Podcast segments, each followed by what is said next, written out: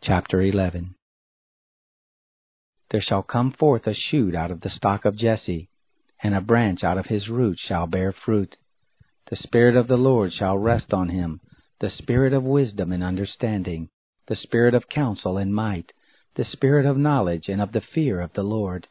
His delight shall be in the fear of the Lord, and he shall not judge after the sight of his eyes, neither decide after the hearing of his ears.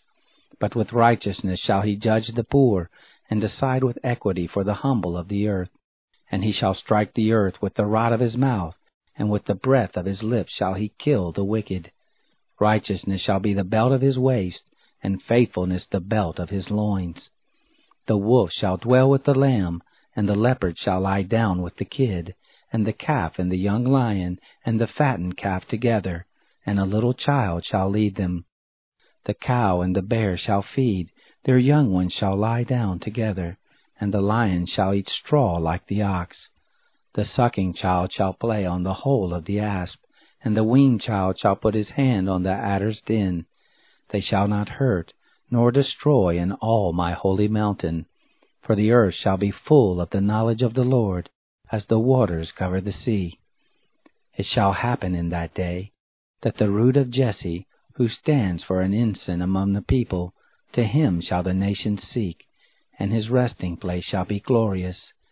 It shall happen in that day, that the Lord will set his hand again the second time, to recover the remnant of his people who shall remain, from Assyria, and from Egypt, and from Pathros, and from Cush, and from Elam, and from Shinar, and from Hamath, and from the islands of the sea.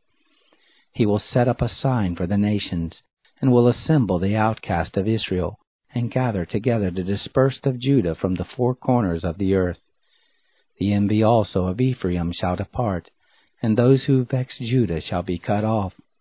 Ephraim shall not envy Judah, and Judah shall not vex Ephraim. They shall fly down on the shoulder of the Philistines on the west. Together they shall despoil the children of the east, and they shall put forth their hand on Edom and Moab, and the children of Ammon shall obey them. The Lord will utterly destroy the tongue of the Egyptian sea, and with his scorching wind will he wave his hand over the river, and will strike it into seven streams, and cause men to march over in sandals. There shall be a highway for the remnant of his people who shall remain from Assyria, like as there was for Israel in the day that he came up out of the land of Egypt.